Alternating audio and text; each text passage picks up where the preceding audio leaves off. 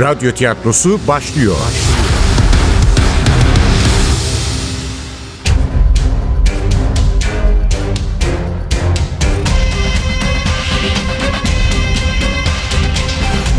Sultanı Öldürmek 2. Bölüm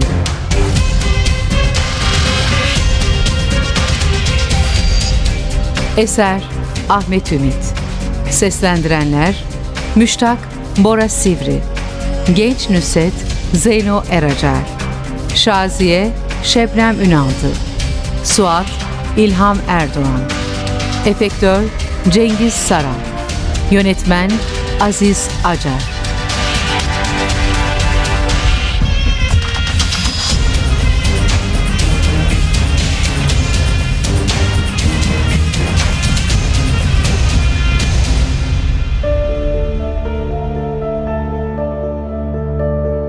Sanki biri seslenmiş gibi uyandım. Kendime geldiğimde hala karanlığın içindeydim. Kulaklarımda o bildik uğultu, bedenimde o tanıdık rahatlama. Zihnim, irademin görünmeyen ağırlığından kurtulmuş, o derin huzurla bir kez daha sarhoş olmuştum. Başıboş bir rüzgar gibi dolaşıyordum sınırları silinmiş bir labirentin içinde. Etrafa bakacak oldum, başım döndü. Düşmemek için tutunacak bir yer aradım. Sağ elim ahşap trabzana tutundu. Karın ışığı sızıyordu bir yerlerden. Eski bir apartmanın içindeydim. Geniş, mermer bir merdivenin basamaklarında. Yeniden etrafı seçmeye çalıştım. Tanıdık geliyordu ama çıkaramıyordum. Bir yerlerde elektrik düğmesi olmalı. Bulmakta zorlanmadım. Yarı yarıya açılmış demir kapının sağ tarafındaydı. Hala hafifçe dönen başımı aldırmadan basamakları inerek duvardaki düğmeye dokundum. Tavandaki fersiz lambanın sarıya çalan kırmızı ışığı binanın uzun zamandır boyasız kalmış kirli duvarlarını ahşap asansörünü aydınlatınca tanıdım. Sahtiyan apartmanındaydım. Nusret'in dedesi tarafından yaptırılan belki de semtin en eski binasında. Üçüncü kezdir aynı şey oluyordu işte. Bilincimi yitirdikten birkaç saat sonra bir yerlerde buluyordum kendimi. Emin olduğum tek şey bulunduğum yerlerin unutma krizine kapılmama neden olan kişilerle ilgili olmasıydı. O kayıp zaman sırasında neler olduysa tamamıyla meçhuldü. Ne bir görüntü, ne bir ses, ne bir koku. O zaman süresinde neler yaptığıma dair hiçbir iz bulunmuyordu hafızamda. Aynı apartmanda oturduğumuz, hem teyze kızın hem de iyi bir psikiyatr olan Şaziye seni hipnotize ederek olan biteni anlayabiliriz dese de derinliklerinde neler gizlendiğini bilmediğim bilinçaltımın açığa çıkmasından korkarak bu metodu kesinlikle reddetmiştim. Hem o kadar sık da gelmiyordu ki bu tuhaf olay başıma. İlk krizi Nüset beni terk ettikten bir ay sonra yaşamıştım. Yani 21 küsur yıl önce. Üniversitedeki odamda otururken o uğultuyu hissetmiş, yaklaşık iki saat sonra da Fatih Sultan Mehmet'in türbesinde sandukanın başucunda otururken bulmuştum kendimi. Nusret'ten kurtuluşun Fatih'e yoğunlaşmaktan geçtiğine inanmış olmalıyım. Aşktan kurtulmak istiyorsan zihnini işle meşgul et prensibi. İkinci kriz bu olaydan 10 yıl sonra annemin ölümünün 5. gününde gelmişti. Gecenin bir yarısı Haydarpaşa Gar lokantasında açmıştım gözlerimi. Yanımda rimelleri akmış yaşlı bir hayat kadını. Oksijen sarısı saçlarını okşuyordum. Kadının yüzünde dünyayı umursamayan bir ifade. Onu ne zaman, nerede, nasıl bulduğum konusunda hiçbir fikrim yoktu. Hatırladığım son görüntü annemin gençlik fotoğraflarına baktığımdı. Annem üzerinde karpuz kollu, çiçekli bir elbiseyle konağımızın bahçesindeki gümrah manolya ağacının altında gülümsemişti kameraya. Annemin ışıldayan genç yüzüne bakarken ne kadar da Nüset'e benziyor diye düşünmüştüm. Ondan sonrası meçhuldü. Psikojenik füg, geçici unutkanlık türlerinden biri. Aşırı üzücü olaylar nedeniyle bu unutma nöbetlerini yaşıyor olabilirsin. Şaziye muhtemelen haklıydı. İki olayda da çok sevdiğim iki insanı kaybetmiştim.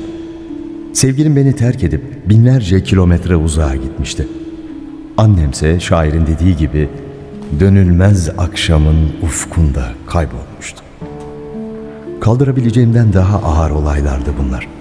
Tamam da bugünkü hafıza kaybına ne diyeceğiz o zaman? Nusret'in dönüşü üzücü bir olay mı? Değil ama şoke edici. Demek ki olayların üzüntü yaşatmasının ya da mutluluk vermesinin bir önemi yoktu. Sevinç ya da acı hangi nedenle olursa olsun benliğimin alt üst oluşu yol açıyordu bu hafıza kaybına. Demir kapının aralığından sızan rüzgarın içime işleyen soğuğu toparladı düşüncelerimi. Telefonda söz verdiğim gibi Nusret'i görmeye gelmiş olmalıydım. Aslında hiç garip bir yanı yoktu bu durumun. Tabii evden nasıl çıktığımı, Bahariye'den Kadıköy'e nasıl indiğimi, vapura ne zaman bindiğimi, Karaköy'den Şişli'ye nasıl geldiğimi de bir hatırlayabilsem. Neyse, olan olmuştu işte. Kolumdaki baba yadigarı camı sararmış saatime baktım. 19.42 idi. Yemek zamanı. Aklım başındayken planlasaydım da aşağı yukarı bu saati seçerdim Nusret'in evine gelmek için. Görüntüm nasıldı acaba? Birden panikledim. Hemen bakışlarımı üzerime çevirdim. Kirli duman rengi paltomun altına lacivert ceketimi, onun içine de solgun mavi gömleğimi giymiş, tabii vişne çürüğü kravatımı takmayı da unutmamış, altıma ise siyah pantolonumu geçirmiştim. Mevsimlik siyah makosen ayakkabılarım bu karlı hava için biraz uygunsuz kaçsa da idare ederdi.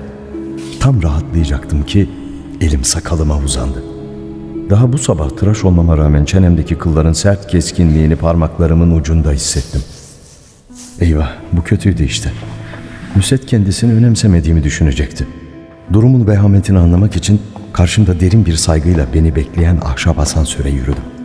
Eğer hafızam beni yanıltmıyorsa bu antika taşıyıcının içinde büyükçe bir ayna olmalıydı. Evet, sırları yer yer dökülse de hala kendisine bakanların dış görünüşünü gerçeğe yakın olarak yansıtmayı sürdüren o kıdemli ayna karşıladı beni asansörün içinde. Garip bir ifade vardı yüzümde. Solgun ama ferah bir ışıkla aydınlanıyordu bal rengi gözlerim. Sakallarımın ince gölgesi. Bir derviş kalenderliği katıyordu bu tasasızlığa. Hiç de ukalaca olmayan bir boş vermişlik, bir umursamazlık. İşte bu his ne kadar olumsuzluk varsa hepsini önemsiz kılıyor, bütün varlığımı güvenle dolduruyordu. O güvenle bastım kapının yanında üst üste sıralanan beş siyah düğmenin alttan üçüncüsüne. Saralı bir insan gibi derinden titredi asansör. Galiba yürümek zorunda kalacağım diye kaygılanıyordum ki silkinerek usulca yükselmeye başladı. Emektar asansörün hareket etmesiyle birlikte tatsız bir ses duyuldu apartmanın boşluğunda. Yılların yalnızlığını, yılların unutulmuşluğunu çağrıştıran çelik bir kablonun demir bir makaraya sarılmasının çıkardığı o mekanik tıkırtı. Bu sevimli ahşap kutuyu yukarıya çeken düzeneğin artık zor çalıştığını, tükenmek üzere olduğunu kendi meşrebince dile getiren o mekanik ses. Ama tuhaftır. Belki de insani duygulara en uzak olması gereken bu tatsız gıcırtı, Nusret'le yaşadığımız bir anıyı uyandırdı zihnimde. Haziran ayı olmalıydı. Sokaktaki genç ıhlamur ağacının kokusu asansörün içine kadar geliyordu. Yukarı çıkmıyorduk, aşağı iniyorduk. Yemek sonrasıydı.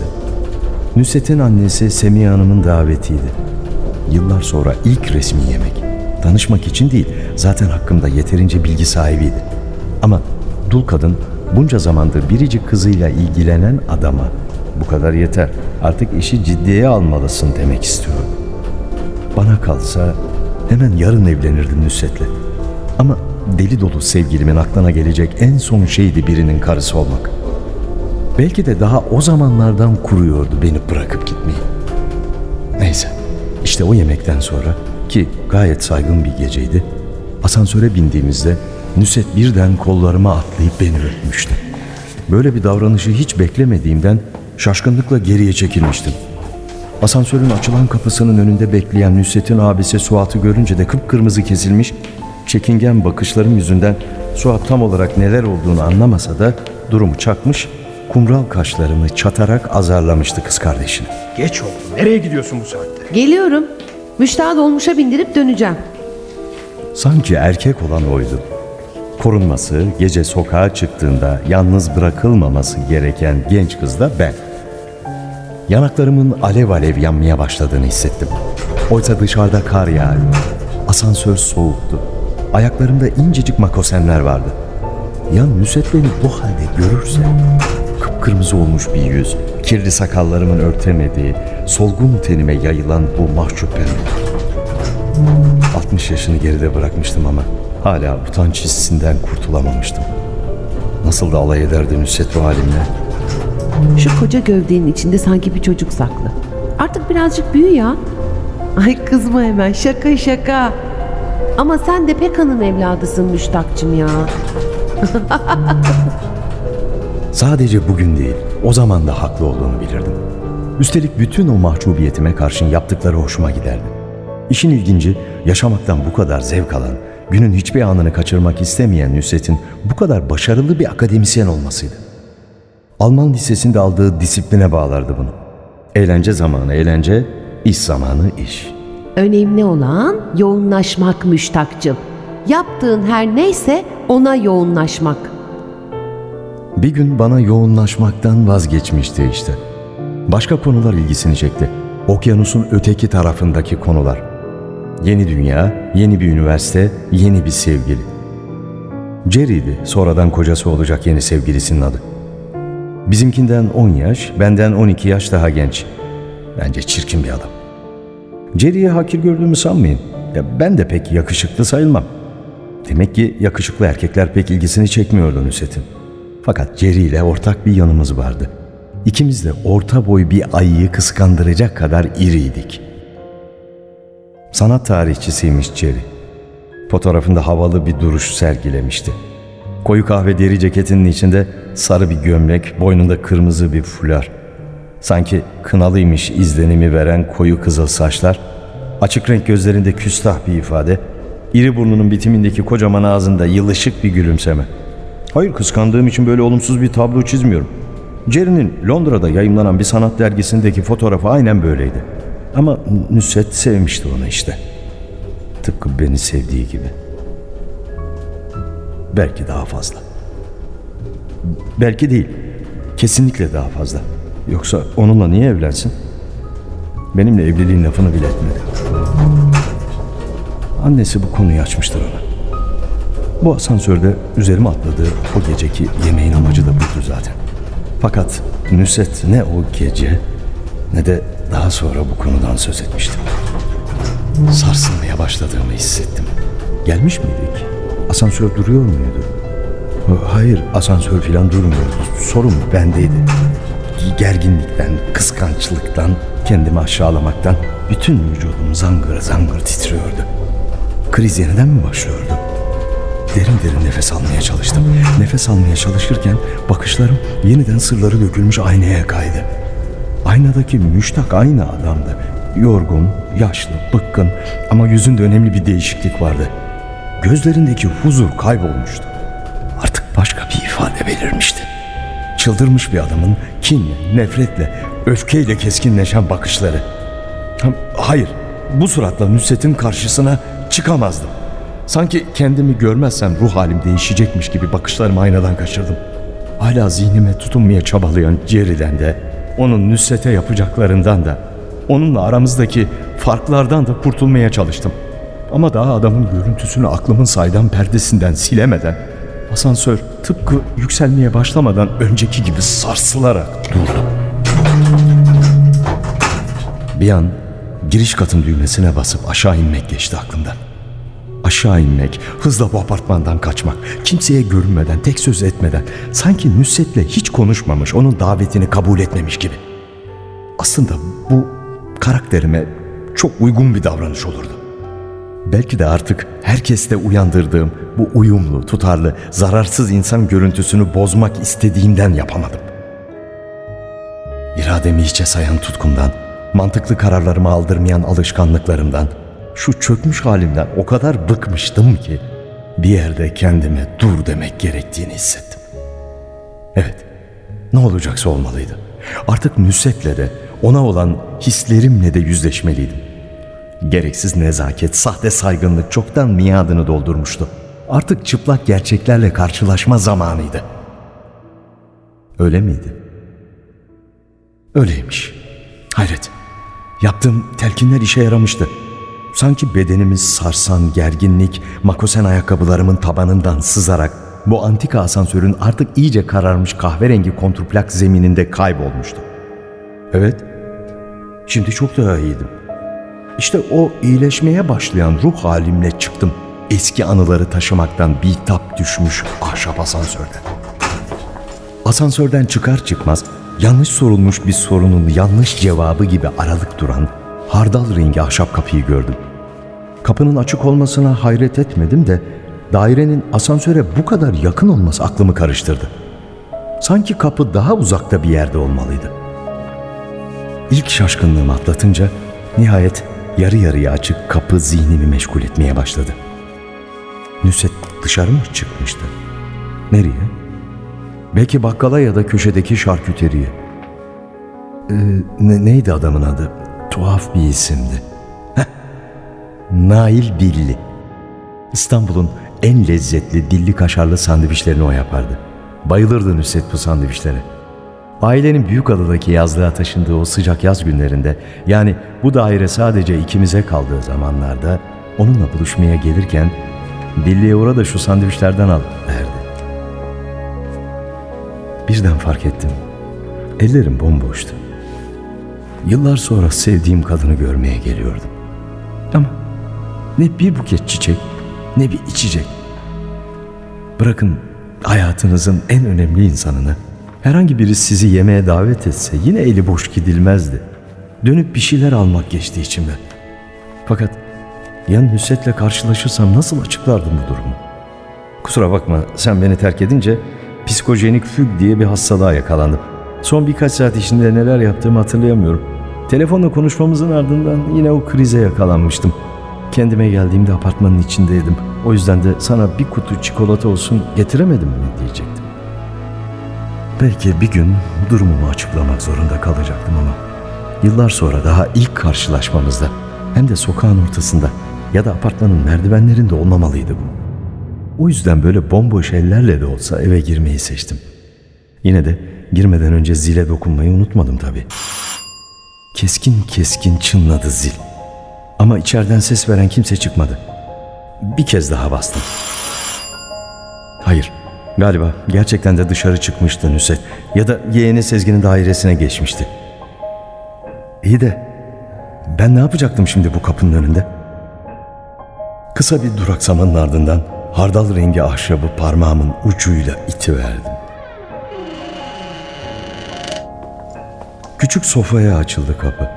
Sofanın kim bilir kaç yıl önce boyanmış beyaz renk duvarları artık iyice kirlenmiş, neredeyse gri bir hal almıştı. Sağ yandaki portmantoda çağla yeşili bir kadın mantosu sarkıyordu. Yanındaki askıda kalınca koyu kahverengi bir atkı.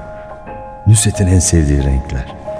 Eski sevgilimin eşyalarını görünce birden yüzü beliriverdi gözlerimin önünde. Artık uyanıkken de düş görmeye başladım diye kendime haksızlık edecektim ki karşımdaki yüzün sanrı olmadığını, oturma odasının ardına kadar açılmış kapısından Nusret'in ısrarla bana baktığını fark ettim. Kalbimin, aklımın, ruhumun sultanı olan kadın öylece oturmuş beni süzüyordu. Önce irkildim, ardından gülümsemeye çalıştım. Aşık olduğunuz insanla yıllar sonra karşılaşmak.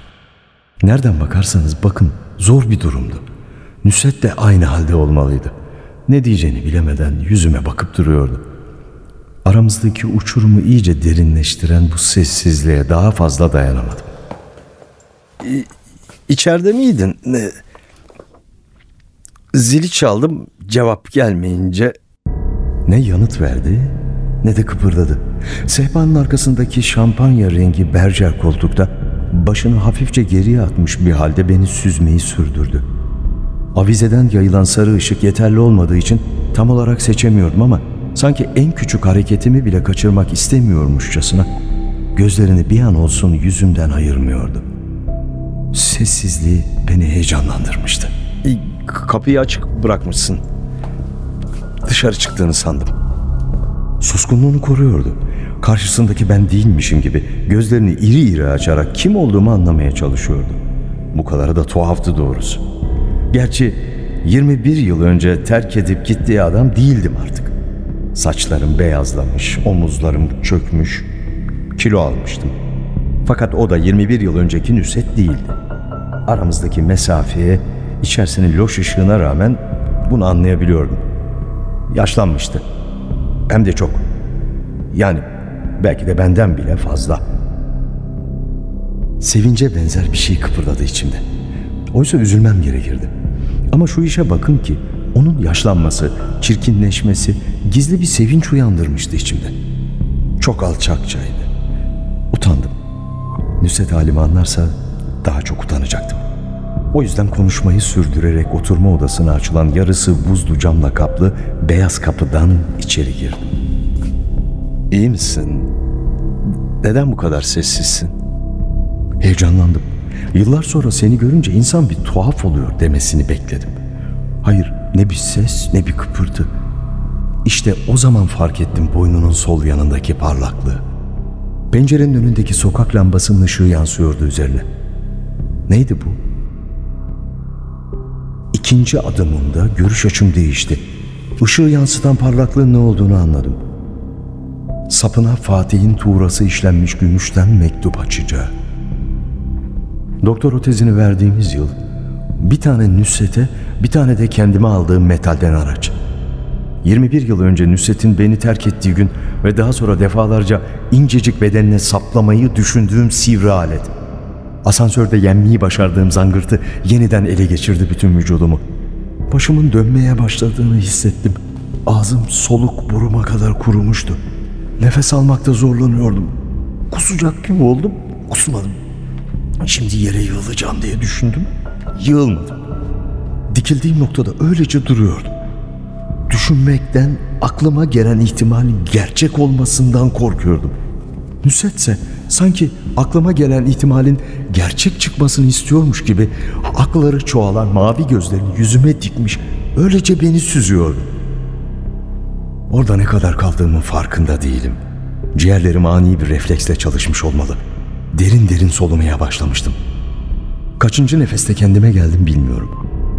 Kendime gelince de birkaç adım ötedeki sehpanın arkasındaki koltukta başı hafifçe geriye kaykılmış olarak duran eski sevgilimin yanına gidemedim. Loş ışığa alışan gözlerimi kısarak detayları seçmeye cesaret edebildim sadece. Evet, ayrıntılar korkunçtu. Üzerinde bir sürahiyle yarı yarıya su dolu duran bir bardağın bulunduğu sehpanın gerisindeki koltukta oturan Nusret'in boynunda sol taraftan saplanmış bir mektup açacağı vardı. Yine de kanı görünceye kadar neyle karşılaştığımdan emin olamadım. Nusret'in sol tarafındaki duvar kıpkırmızıydı. Onun ince, uzun boynundan fışkıran kan duvarla birlikte Semiha Hanım'la Fehim Bey'in evlilik fotoğrafını da kendi rengine boyamıştı. Duvarla Nusret arasındaki ahşap zemin de nasibini almıştı bu kırmızılıktan. Sonra fışkırma yavaşlamış ama kan bir süre daha akmaya devam etmişti. Nusret'in boynundan aşağı süzülüp beyaz bluzunun sol yanını kırmızıya boyayarak parmaklarının kucağına değdiği yerde küçük, koyu bir leke oluşturmuştu. İşte o zaman anladım gerçeği. Nusret ölmüştü. Biri onu acımasızca bıçaklamıştı. Ama kim? Aniden sırtıma bir darbe inmiş gibi sarsıldım. Belli belirsiz bir ah sözcüğü döküldü dudaklarımdan. Ne eksik ne fazla. Sadece bir ah.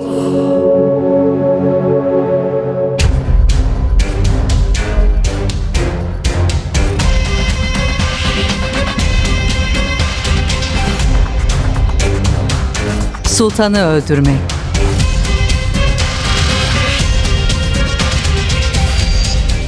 Eser Ahmet Ümit. Seslendirenler Müştak Bora Sivri. Genç Nüset Zeyno Eracar. Şaziye Şebnem Ünaldı. Suat İlham Erdoğan. Efektör Cengiz Saran. Yönetmen Aziz Acar